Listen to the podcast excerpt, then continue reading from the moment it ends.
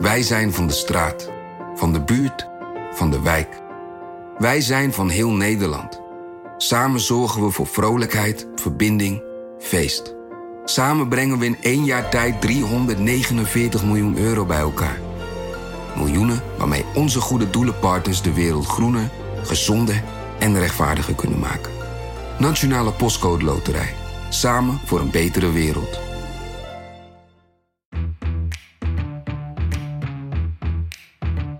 Dit is Haagse Zaken van NRC. Mijn naam is Lemia Aharoy. Deze week gaan we het hebben over de Raad van State. Dat is typisch zo'n instituut dat je af en toe voorbij hoort komen, maar waar je verder misschien wel weinig over weet.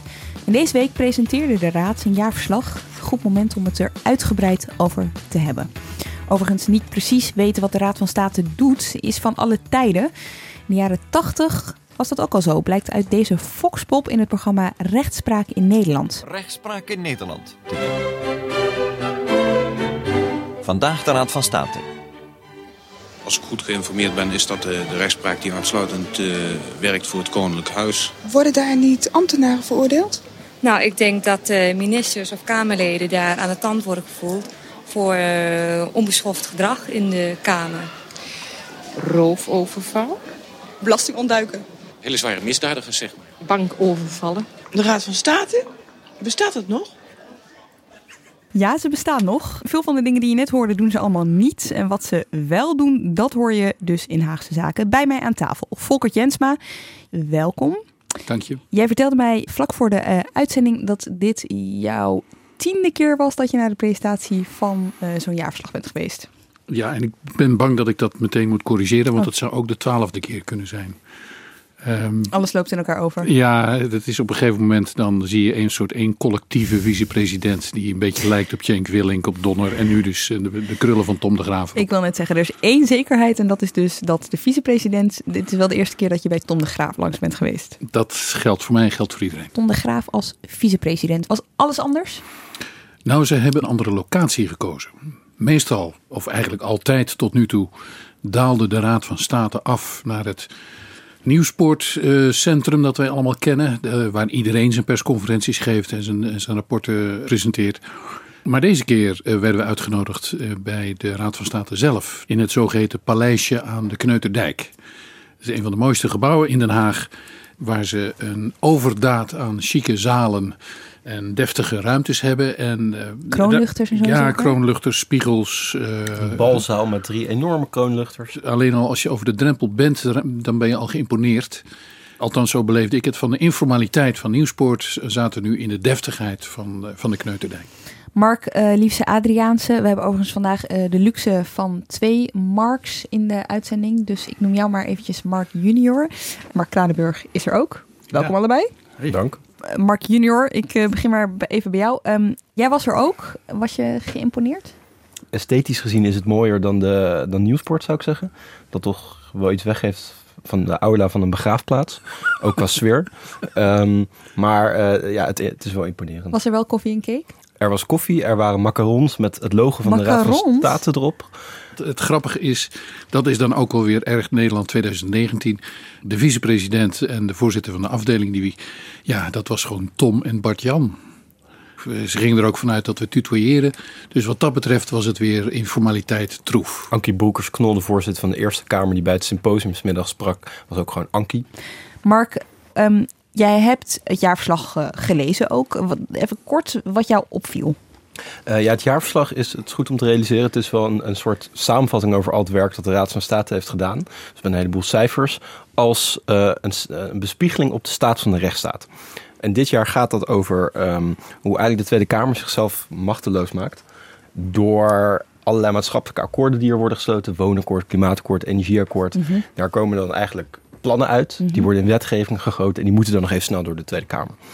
En de Raad van State zegt nu, ja, daarmee maakt de Tweede Kamer eigenlijk zichzelf, uh, zet zichzelf buitenspel. En daarbij eigenlijk ook een hele grote groep burgers die niet aan de klimaattafel zitten of de woontafels of enzovoort. Gaan we straks nog uitgebreid op door. Uh, Mark Kranenburg, jij hebt wel eens een zaak gewonnen bij de Raad van State. Ja, dat is mijn band met de Raad van State. nee, dat is inderdaad, uh, toen ik hier uh, voor NRC uh, in begin jaren tachtig uh, voor het eerst rondliep. Toen heb ik een kwestie gedaan rondom de wet openbaarheid bestuur. We vroegen stukken over de kabinetsformatie om die openbaar te maken.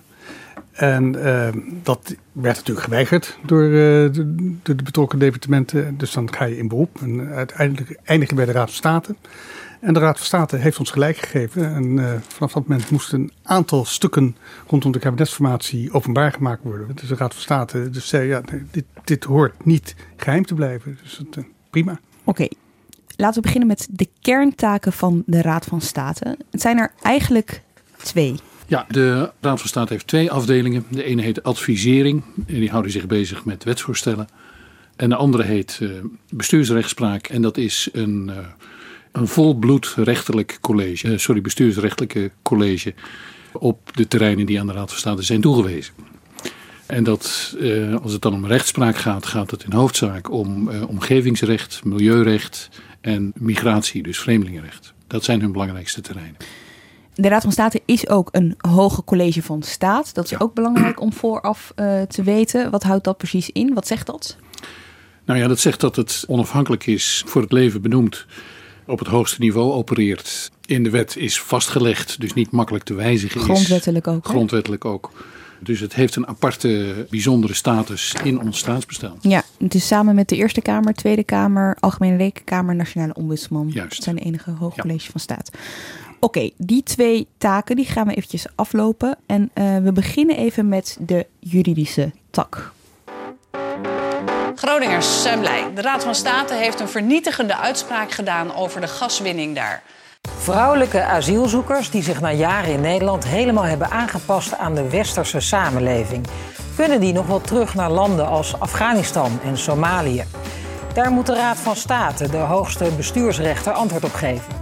Van Genij trekt vandaag aan het kortste eind bij de Raad van State. De Raad van State doet een duidelijke uitspraak. Op grond van de gemeentewet mogen burgemeesters zich niet inhoudelijk uitspreken over een evenement.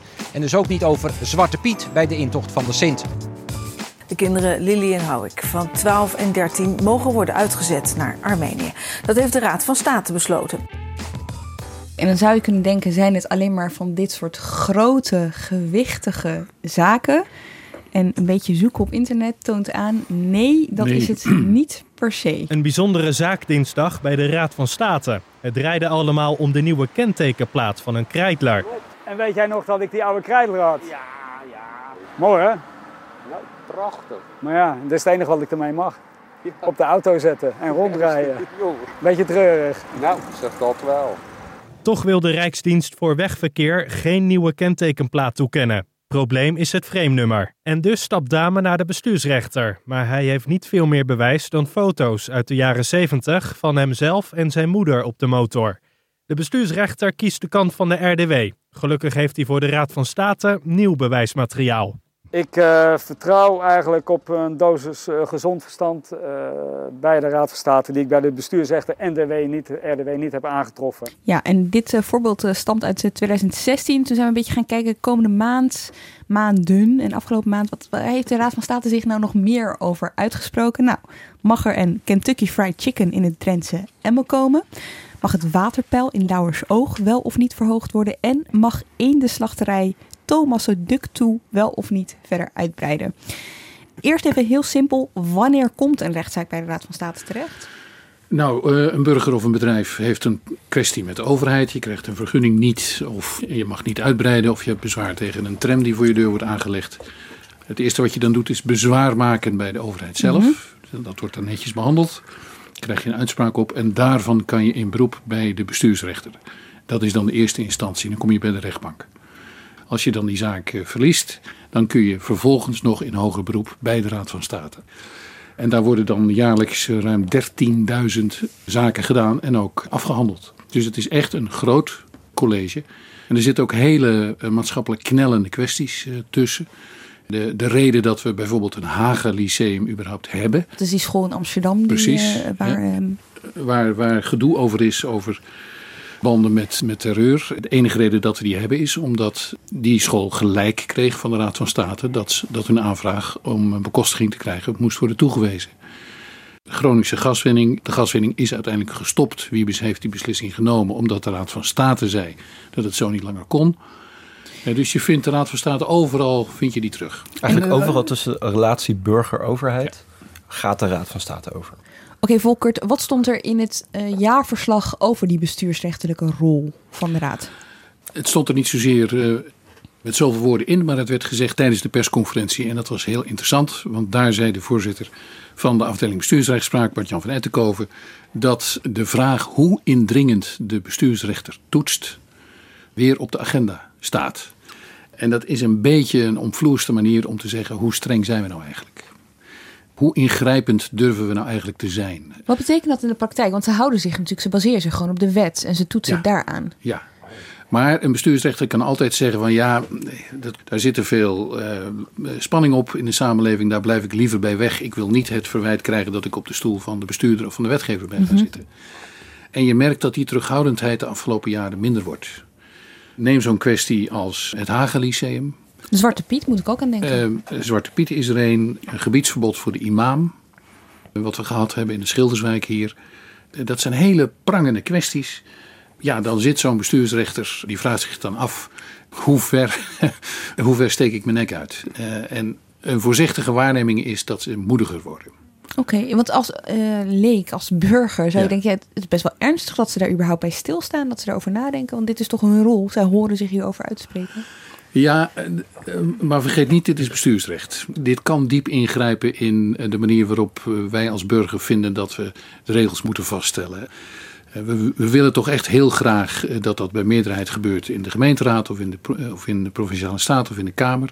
En we willen toch liever niet dat de doorsnee bestuursrechter in een rechtbank of hier in Den Haag precies gaat vastleggen hoe het nou eigenlijk zit. En daar is iedere bestuursrechter zich zeer van bewust dat hij daar afstand van moet houden. Tot zover de bestuursrechtelijke uh, taak van de Raad van State. Dan is er ook nog de adviserende taak. Mark junior, zeg ik maar eventjes. Kun je uitleggen waarbij ze dat doet? W wanneer adviseren zij? In een heleboel gevallen, maar eigenlijk bij alle plannen die de politiek maakt. En de politiek is dan zowel de ministers, de staatssecretarissen, de departementen als de Tweede Kamer. Als jij een Kamerlid bent dat een wetsvoorstel maakt, een initiatiefwetsvoorstel, dan gaat dat naar de Raad van State. Coalitie, oppositie maakt niet uit, hè? Maakt niet uit. Um, en zij gaan dan kijken of het haalbaar is, of het uh, doelmatig is, of het effectief kan zijn, of het uh, botst met andere wetten. En daar komt dan een advies uit. En dat advies, dat wordt dan, uh, vaak gaan Kamerleden dan op basis van zo'n advies veranderen ze hun wetsvoorstel nog een beetje. Maar dat doet de Raad van State ook bij wetsvoorstellen die vanuit ja, het kabinet komen, die vanuit de departementen komen, waar uh, honderden wetgevingsjuristen zitten die niks anders doen dan wetten schrijven. Zo'n wetsvoorstel gaat er naar de Raad van State en zij adviseren erover. Ja, en het interessante is, bij die bestuursrechtelijke rol is het bindend wat ze zeggen en hier is het is dat niet zo? Nee, ik moet uh, heel erg denken aan um, de OM-strafbeschikkingen. Mm -hmm. Samen met mijn collega Dirk Stokmans heb ik daar groot onderzoek naar gedaan. Mm -hmm. Maar we zijn het ook heel erg in de wetsgeschiedenis gaan kijken. En hoe is hier destijds, toen de Tweede Kamer hierover sprak, um, over geadviseerd, bijvoorbeeld door de Raad van State. OM-strafbeschikking betekent dat het Openbaar Ministerie zonder tussenkomst van de rechter mensen mag straffen. Dat is heel fundamenteel, omdat de grondwet schrijft dat eigenlijk alleen de rechter mensen mag bestraffen. Dus de Raad van State schreef in haar advies over de wet OM-afdoening in 2004 ook. Het bots met de grondwet. Toenmalig minister van Justitie Piet Hein Donner, die later vicepresident werd van de Raad van State, die kwam toen met een grammaticale interpretatie van de grondwet. Wat zoveel betekende als. Um, ja, hij, hij zei van nou bedankt Raad van State, maar ik ben het er niet mee eens. Ik denk dat die ruimte in de grondwet er wel degelijk is. En op die manier kon Donner de rechtsstatelijke bezwaren van de Raad van State eigenlijk negeren. Dus het, is heel fundamenteel, want de Raad van State is ervoor om de politiek aan de voorkant al te waarschuwen.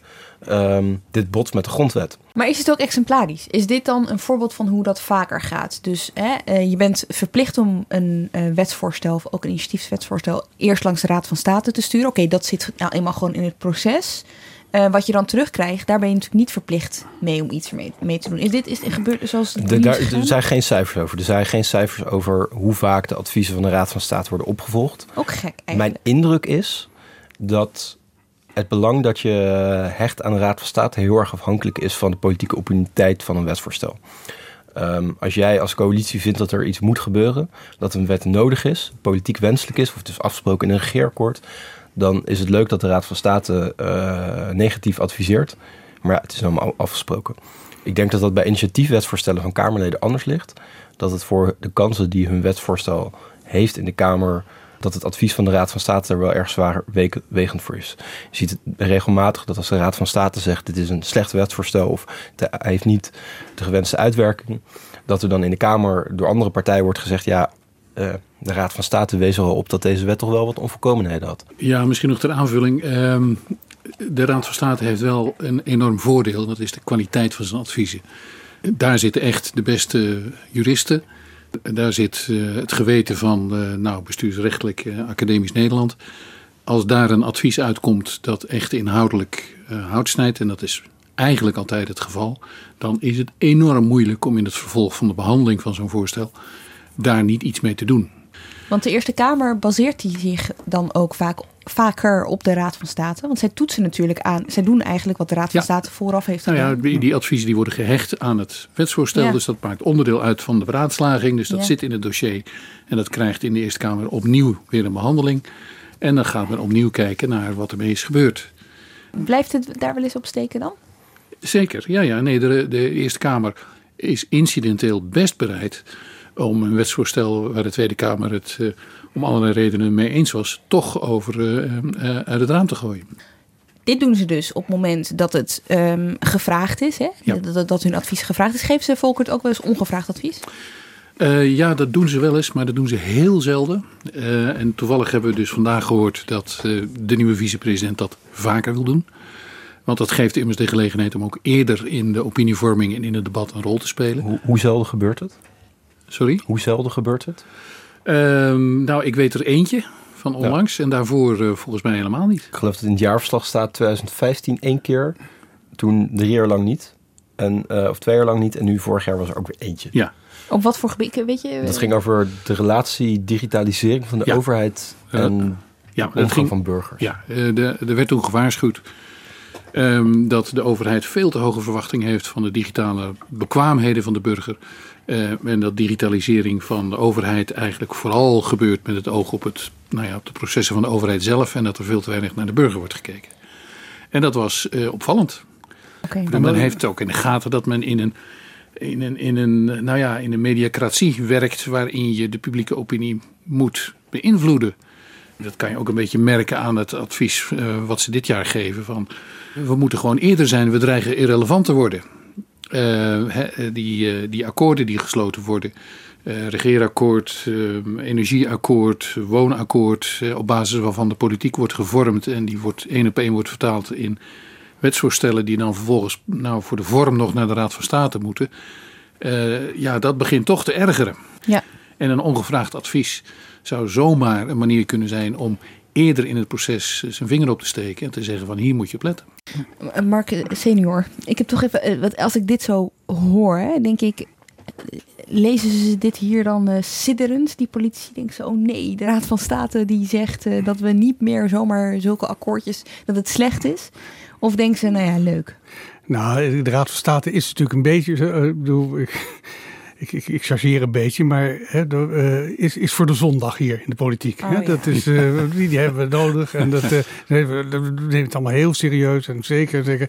En vervolgens wordt het terzijde het maandag. Ja. ja, dan wordt het maandag. En moet verder, want ja, er moet toch wel geregeerd worden. Kijk, wat de Raad van State, dit hoort wel bij Nederland ook. Hè? De, de, met, met onze poldertraditie en alles uh, gaat in de grote mixer en de blender. En dan, dan komt er, gaan worden alle scherpe kantjes eraf geveegd. Maar het is ook gewoon ja, maar, een tegenspraakmechanisme. Iets dat is ingebouwd ja, ja, om de democratie te bewaken. Kijk, uh, Mark, Mark, senior heeft volledig gelijk. Sprak Mark junior. Uh, tegelijkertijd toen de Tweede Kamer in 2009, en dat wordt ook in het jaarverslag aangehaald, een zelfreflectie deed, toen constateerde zij ook dat de Tweede Kamer te weinig aandacht heeft voor het bewaken van de kwaliteit van de wetgeving. Nou, en we zijn tien jaar later. Precies. En het en, is nog steeds zo. Precies. Ja. ja. Um, en het is in die zin, zegt de Raad van State, nu ook iets dat, ja, je kan het eigenlijk staatsrecht 1.0 noemen. Uh, namelijk, wetgever, let op uw zaak. Het primaat van de politiek is aan het verdampen. Uh, de wereld wordt steeds ingewikkelder. Uh, veel regelgeving komt er uit Europa. De samenleving uh, wordt gecompliceerder. De, de, burger die uh, voelt zich verloren. de politiek versplintert en dat leidt dus tot allerlei alternatieve vormen van, van regelgeving en van machtsvorming. Nou, daar is de Raad van State voor om zo af en toe eens even boven het gewoel uit te stijgen. En op een, nou, op een metaniveau toch tegen iedereen in Den Haag te zeggen: eh, kijk nou even wat we aan het doen zijn. Ja. En dat heeft dan geen effect op maandag. Maar als de Raad van State zegt: luister eens jongens, hou nou eens op met experimenteerwetten. Hou nou eens op met kaderwetten. Hou nou eens op met wetten waar eigenlijk geen normen in staan. Gebruik de wet waar die echt voor is. Namelijk een verbindend eh, stuk uh, regelgeving waar de burger zekerheid aan kan ontlenen. Ja, dan is dat toch niet aan de overmans oren gezegd hoor uiteindelijk. Althans, dat kan ik me niet voorstellen. Nee, en wat dat betreft, wat ik ook een hele belangrijke rol van de laatste nou, tien jaar van de Raad van State vind, is, is uh, dat element Europa wat ze erin gebracht hebben. Ja. Waar, waar ze voor waarschuwen en, en de Europa-toets. En ik, ik wat kan is me, dat? Nou ja, dat, dat is ook, kijk, je hebt ook Euro Europese wetgeving, Europese richtlijnen en, en alles wat je hier in Den Haag verzint, houdt het nog wel stand als je het naar, naar, naar Brussel overhevelt of aan Brusselse toetsen onder, onderwerp. Europa dendert ondertussen door. En dat heeft ook invloed weer op, uh, op, op, Nederland hier. Oké, okay, we hebben het steeds over de Raad van State, maar dat is natuurlijk uiteindelijk gewoon een instituut. Laten we het even hebben over ja. de mensen. en dan beginnen we even bij de voorzitter. Die is er eigenlijk nooit. De voorzitter is het staatshoofd. En die, die komt wel eens. Maar dat heeft dan vooral ceremoniële betekenis. En zijn echtgenoot is trouwens ook lid van de Raad van State. Nou, geen lid, maar het zitting in de Raad van Pardon. State. En, en is het ook niet zo dat als er een, sorry, als er, als er een, een, een kind 18 Zeker. wordt? Amalia, wanneer zij 18 wordt, ja. Uh, wat over drie jaar het geval is. Jij houdt ook alles bij, hè? Nee, omdat toch, ze is nu 15, 14.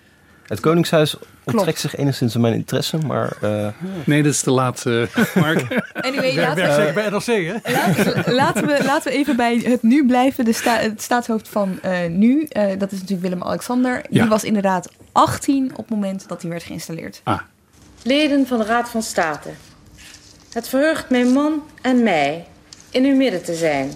Ten einde onze oudste zoon, de prins van Oranje, in de Raad binnen te leiden.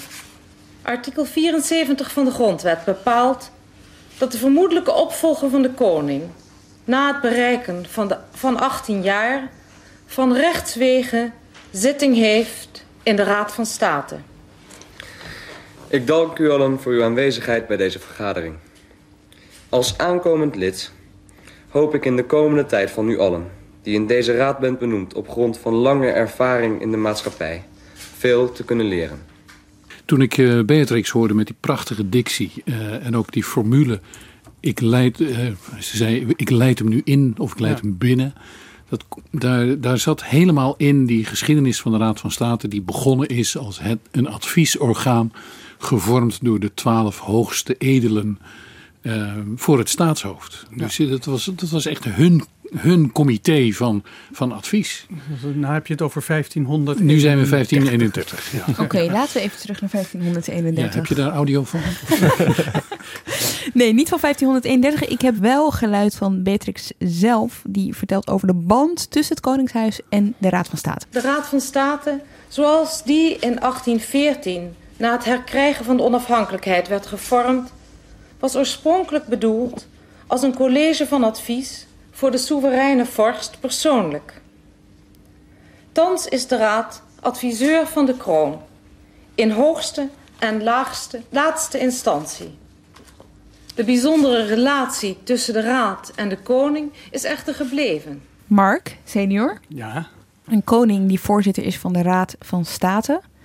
Waar komt die band van het Koningshuis met de Raad van State? Waar komt dat vandaan? De koning is hoofd van de regering. Hè? Dus dat is. Uh, dus, uh, ja, en, uh, en, de Raad van State is, is een adviesorgaan van de regering. Op. Dus daar zit die link.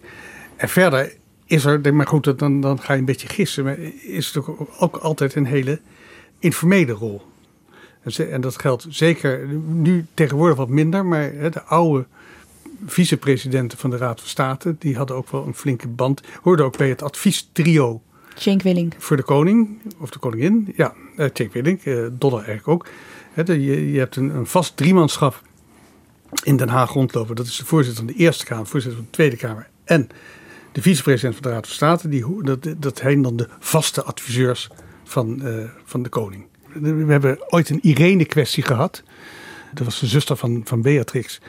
En die ging met een Spanjaard trouwen en die wilde katholiek worden. Nou ja, dat is natuurlijk wel. Oh dan, dan gaat het Koningshuis ook eh, direct eh, op de schop zijn, waar ze bang voor. Dus toen heeft eh, de toenmalige vicepresident van de Raad van State, de heer Beel, heeft daar ook een belangrijke informele rol achter de schermen gespeeld. Om te adviseren wat wel moest en wat niet moest. Dus nu met drie dochters. Hè, Wie weet wat het allemaal weer gaat betekenen. Met de relletjes en weet ik wat allemaal. En dat het Koningshuis ook weer eens op losse schroeven komt te staan. En eh, dat er misschien Tom de Graaf dan moet gaan adviseren. Ik Als zie dat helemaal, ik zie dat. Prachtig, ja, ja. ja. Dat, dat is natuurlijk. Joop den Uyl heeft ook de monarchie gered. Waarom zou Tom de Graaf dat Ja. ook niet kunnen als Republikein? Zelf hoop ik op een moslimvriendje voor een van die drie Ja, mensen. ja nee, dat, dat ik ook. In plaats van katholicisme is het nu eh, Ja, ja, moslim. Maar het, het is ook omgekeerd. Hè? Ook de, de koning ehm, kan een sterke rol nemen binnen de Raad van State. In theorie, de, de, de koning heeft de wettelijke ruimte om eh any moment binnen te stappen bij de Raad van State en aan te schrijven bij de afdeling advisering. Er staat een Ja. stoel voor hem. En een Ehm, iets verhoogde een stoel, iets verhoogde stoel. Hij mag meepraten, hij mag niet meestemmen, maar hij mag wel meepraten. In theorie kan Maxima dat trouwens ook doen. Kan Amalia dat gaan doen vanaf haar achttiende. Eh praktijk gebeurt het niet en spreekt de koning, de vicepresident. Denken we. Denken we, ja. Denken we inderdaad. We moeten er maar vanuit gaan dat het, dat het niet gebeurt. Maar eh, in, in principe is het zo dat er ongeveer twee keer per jaar overleg is.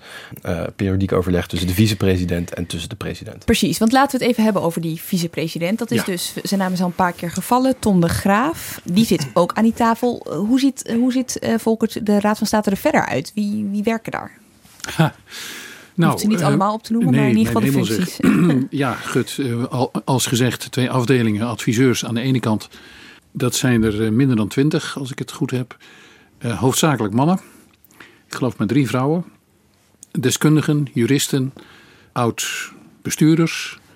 Maar toch ook allemaal, en dat punt, daar zullen we het nog wel over hebben, met een politieke kleur. Dus dat wat de adviseurs betreft. En dan heb je aan de andere kant heb je de rechters. Mhm. Ja, dat, dat zijn gewoon rechters. Bestuursrechters. Eh, dat zijn er ongeveer 52. Daar is de eh, verhouding man-vrouw eh, veel gelijker. En ja, de- die afdeling lijkt gewoon op een gewone rechtbank. Oké, laten we het even hebben over die politieke kleuren. Ehm, want het zijn over het algemeen juristen. Ja. En het waren, waren zeg ik er ook bij, over het algemeen CDA, PvdA, VVD. Ja, D66. De- D66, dat Het vond waren, u het, het waren de vier, het, het, waren, het zijn eigenlijk de vier klassieke regeringspartijen die daar eh, voor de samenstelling zorgden. Ja, en de oud-vicepresident van de Raad van State, eh, Piet Hein Donner, die ehm, gaf ook zelf aan hè, dat het belangrijk was dat er verschillende politieke stromingen waren Ja. vertegenwoordigd. Omdat je adviseert over wetten, ben je wel bezig met politieke vragen. Zaken die de gemeenschap raken. En dat is nou net het bijzondere van de Raad van State. Dat daarbinnen je wel de verschillende stromingen moet hebben. Namelijk, hoe wordt er gedacht over eh, politiek, over wat het beleid zou moeten zijn. Je moet binnen de Raad van State ook de verschillende ervaringen hebben. Eh, zo heb je burgemeesters, ministers, wethouders, maar ook mensen uit de universiteiten. Excuses voor het middeleeuwse muziekje op de achtergrond. Nee, maar dit Past is, wel bij Piet Hein dit is, eh, eh, Dit is past bij Donner, past bij de Raad van State. Ja. Dit is de Raad van State ten voeten uit. Jongens, rustig aan, dan breekt het lijntje. Ja. Maar- Ja, ja, ja. Hij, hij, zei, hij, liet, hij gebruikte één woord niet, namelijk politieke kleur. Ja, dat vind ik dus zo interessant. Want Ja, dat is een taboe. Althans, dat is iets waar ze liever niet over praten. Volgens mij omdat men aanvoelt dat men daar zwak in staat. Dat, dat hele enigszins gedragen Donneriaanse verhaal over... we moeten meer breder zijn en we moeten toch meer mensen bij ons mooie werk betrekken. Ja, dat, dat, dan zou je toch zeggen, eh, wanneer wordt de eerste SP-staatsraad benoemd? Is er al een PVV'er die erin mag? Nou, zover is men nog lang niet. Er is vorig jaar zijn er twee nieuwe staatsraden benoemd. Aan de advieskant bedoel ik dan Frank de Graven, VVD. 100% eh clichékeuze voor die functie, zou ik bijna zeggen. wat is een clichékeuze? Nou, je bent van een van die vier partijen. Je bent minister geweest. Je hebt deskundigheid. Eh, je hebt eh, niet al te diepe krassen opgelopen. Jurist? Eh, je bent jurist en eh, Kleurt binnen de lijntjes. je kleurt binnen de lijntjes en je kan zo meedoen. Veilige keus. En Marijke Vos werd benoemd en dat was een verrassing. Want zij was van GroenLinks. Een bioloog. En een bioloog. En een vrouw. Uh, dus ja, dan, dan cynisch gezegd, dan scoor je op drie vakjes die je nog niet echt goed had ingevuld. Een sprankje vernieuwing. Een sprankje vernieuwing. Laten we hopen dat er, nou ja, goed. In het jaar 1500 nog wat was dit nog niet zo, hè? Nee, nog nee, niet. nee, nee. Maar dat, dat toont dus, ik, ik bedoel, dit inzicht dat Donner ver, verwoordde, dat klopt natuurlijk helemaal. Maar het is wel heel laat, hè? Het is ja, wel... want, uh, hoe word je gekozen in zo'n, hoe gaat dat? Nou ja, uh, je solliciteert, er is een vacature. Oh, ja. Er, er wordt je, vermoedelijk ook wel door iemand op je schouder getikt van, is het wordt, is niks voor jou. Maar, ik ben maar, het is wel, maar het is wel politiek natuurlijk. Zeker als er het is gaat altijd om, gedonder over. Ja, en ja. zeker als het gaat om vicepresident. Ja. Als het gaat om Tom de Graaf, die naam die zong al heel lang rond op het Binnenhof voordat hij daadwerkelijk benoemd werd. Ja, al bij de formatie. Precies, dat is in de formatie beklonken. Um, dat hij dat zou gaan doen, dat wilde niemand allemaal bevestigen. Maar dat is toen gewoon afgesproken dat, dat eh, Tom de Graaf die zou daarvoor goed zijn. Dus is het voor de vorm wordt er een sollicitatieprocedure gestart. En toen is er nog Dijsselbloem door een aantal leden van de Raad van State gevraagd om te solliciteren. Dat heeft toen een beetje zand in de molen gestrooid. Maar uiteindelijk de conservatieve werking van het Nederlandse bestel deed haar werk. En, uh, Stabiliserende bedoel je? Zo zou je het ook kunnen zeggen. En, en, en, en Tom de Graaf is, werd gewoon vicepresident. Ja, en toen heeft hij heel lang nog uh, ontkend. Ja, moeten jokken. Het enige wat ik weet is dat mij ooit gevraagd of ik mogelijk belangstelling zou hebben. Dat heb ik gezegd, ja, mogelijk. Mijn, uh, mijn politieke leider Alexander Pechtold heeft dat een keer aan mij gevraagd. Ik ga zelf een afweging maken of ik uh, dat wil. Ik heb in ieder geval wel de profielschets gezien. En daar lijk ik goed aan te beantwoorden. Uh, dus de kwalificaties, daar heb ik niet zo moeite mee. Die, die zijn van toepassing. Maar ik gewoon in de eigen afweging of ik dit voor de komende jaren zou willen. En die beslissing moet ik nog nemen. Ja, die beslissing moest hij nog nemen. Overigens was dit tijdens de formatie was hier Ik echt geen ruk te doen. dus je kan je voorstellen, al die journalisten die uh, bewogen zich allemaal weer richting uh, Alexander Pechtold. Is er nou wel of niet een deal in de coalitie over Tom de Graaf? Dat is de fractievoorzitter in de Eerste Kamer van deze... Roodverfskandidaat, Raad van State. Ik hoor het u zeggen, maar ik ga daar niet over. Tom de Graaf de beste kandidaat? Dat weet ik niet. Ik bedoel, ik weet niet eens of die kandidaat is. Schimmerspel wordt dit. Nou, ik weet niet of alle sollicitaties bij de NOS ook openbaar zijn en dat iedereen zich dan uitspreekt. Dit is een publieke topfunctie. Dit is een publieke topfunctie en ik denk dat als kandidaten zich melden en zich ook in het openbaar willen melden, dat ze dat vrij staat. Maar ik heb nog eigenlijk niemand zich openbaar zien melden. Straks is er niemand.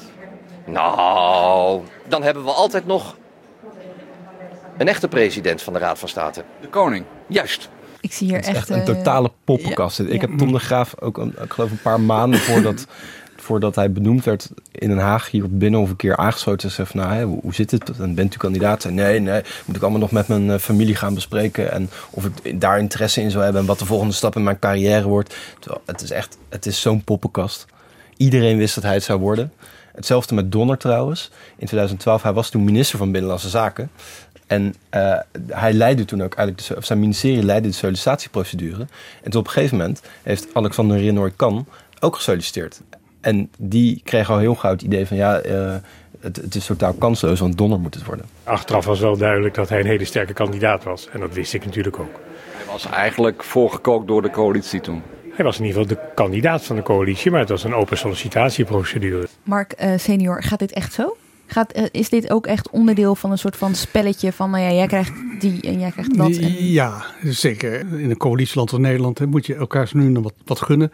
En zeker bij een kabinetsformatie, het wordt altijd ontkend. Hè, wordt er aan het begin of halverwege wordt even gekeken, jongens, wat komt er allemaal langs aan belangrijke geprofileerde posten?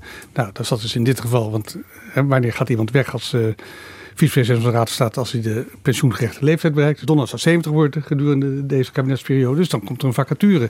Hetzelfde geldt voor uh, het lidmaatschap van uh, de Europese Commissie. Uh, zal ook altijd ontkend worden dat er over gesproken wordt. Maar ik weet bijvoorbeeld dat Bolkestein, die toen in de tijd namens de VVD naar de Europese Commissie ging, daar is in de kabinetsformatie over gesproken. Um. En overigens, uh, de, ik zei het, want zo vaak heb je ze niet, die, die, die vicepresident als benoemd worden. Maar het geeft dus bijna altijd gedonder. Alleen Cenk Willink niet, dacht ik. Maar daarvoor heb je nog Scholten gehad. Dat was een minister van Defensie in het kabinet van Acht Wiegel. En die ging vanuit het kabinet werd hij uh, vicepresident. En daar is dan ook vanuit de oppositie is er uh, groot bezwaar tegen gemaakt. Want het was toch een beetje raar dat iemand die in het kabinet zit, ja. straks wetsvoorstellen van het kabinet moet beoordelen. Net als met Donner. Dus. Donner Hetzelfde met Donner. Ja. En dan zie dus je het geeft altijd gedoe. Nou, of je zou kunnen zeggen, Tom de Graaf, senator van een coalitiepartij die naar de Raad van State gaat om wetten die vanuit de coalitie komen eh, te bekijken. Maar dit is speculatie, want maakt het uit wie de onderkoning, want zo wordt het vaak genoemd, wie de vicepresident is, van wat voor politieke kleur diegene heeft? Nou, dat is een beetje een gewetensvraag. Eh, ik heb wel wat overzicht. Volgens mij uiteindelijk niet. Het institutionele gewicht van die functie is zodanig dat je daar een eventuele politieke kleur aan ondergeschikt maakt. Dit is echt een staatsrechtelijke sleutelfunctie. Je hebt een band met het Koningshuis. Je zit inderdaad in, die, in dat groepje van adviseurs. Je hebt een rol in de formatie. Als je daarin politiek gaat zitten roeren. Als je daarin gaat zitten lekken en, en plooien. En enfin, wat politici allemaal doen. Dan heb je niet de vereiste kwaliteiten voor die functie. Nee, je mag niet. Je, je politiek profiel is juist geen pre. Hè. Precies, precies. Maar je ziet natuurlijk wel langzaam zeker. Hè, dat, eh, ze- ook de Raad van State is aan het moderniseren. Een beetje. Hè, gewoon qua Ontkomt er ook niet aan. Ja. Moderniseren? Sprankje, sprankje verlichting. Eh, vernieuwing, toch? Ja. Ik zat donderdagochtend naar Tom de Graaf te kijken in zijn nieuwe rol. Ook om te zien hoe het hem stond. Hè, want zo kijk je ook een beetje. En dan denk je toch, als de nieuwe vicepresident kritiek gaat zitten hebben eh, op de politiek, die geen stempelmachine moet worden en te veel in akkoorden werkt en enfin, eh, dat hele verhaal.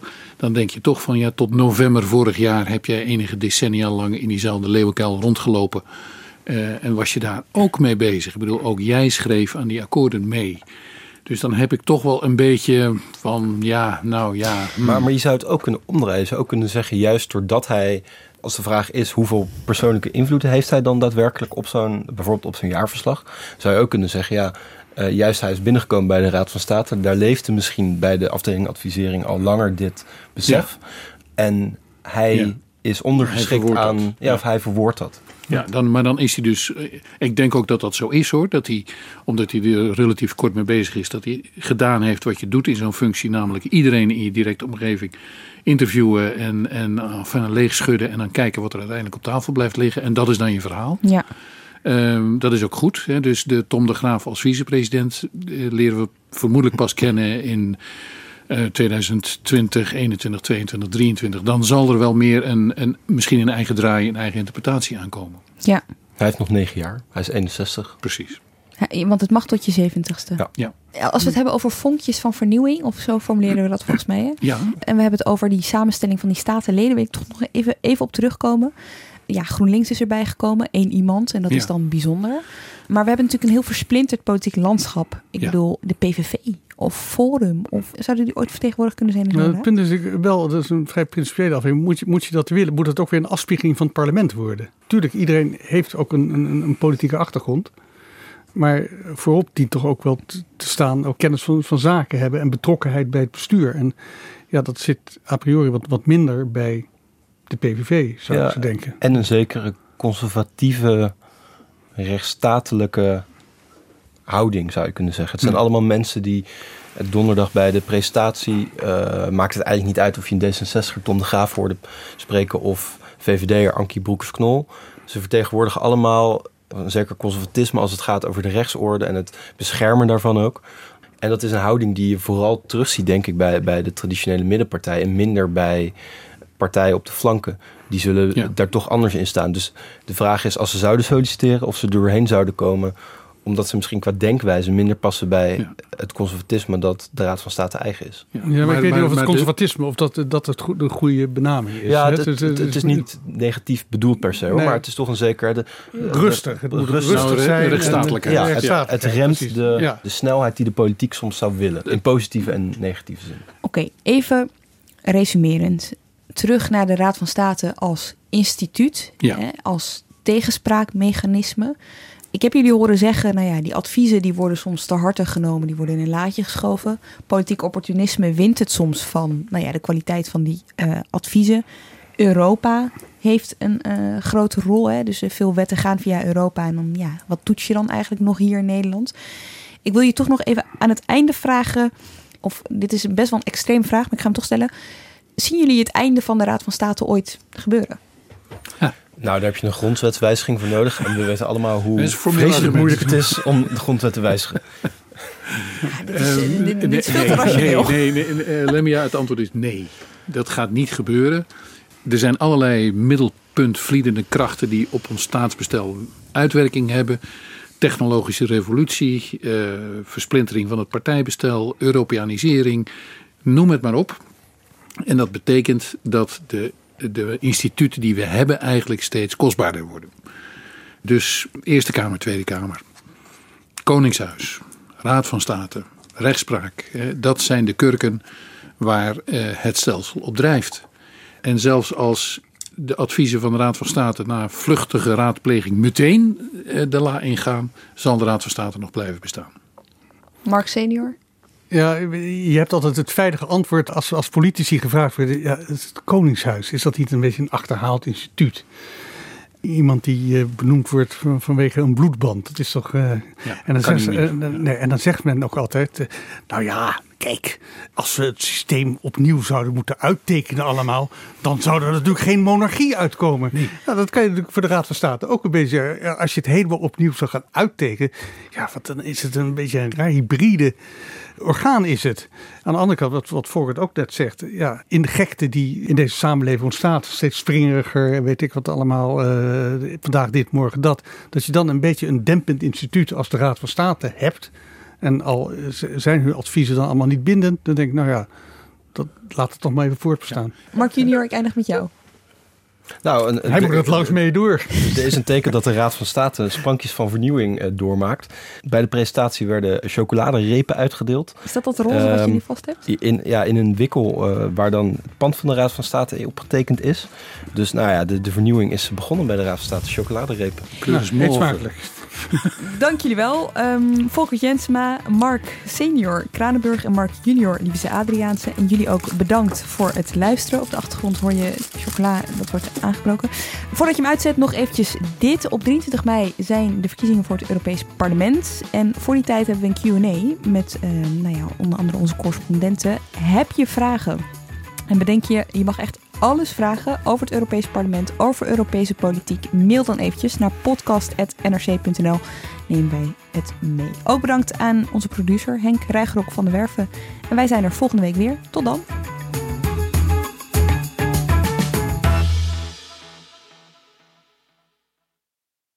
Je hebt aardig wat vermogen opgebouwd. En daar zit je dan, met je ton op de bank. Wel een beetje saai, hè? Wil jij, als belegger, onderdeel zijn van het verleden of van de toekomst? Bridgefund is een slimme fintech die een brug slaat tussen de financiële behoeften van ondernemers en van beleggers. Dus wie belegt bij Bridgefund krijgt niet alleen een mooie vaste rente, maar brengt ook ondernemers in beweging. Echt waar, met die ton kan je zoveel betere dingen doen. Bridgefund. Make money smile.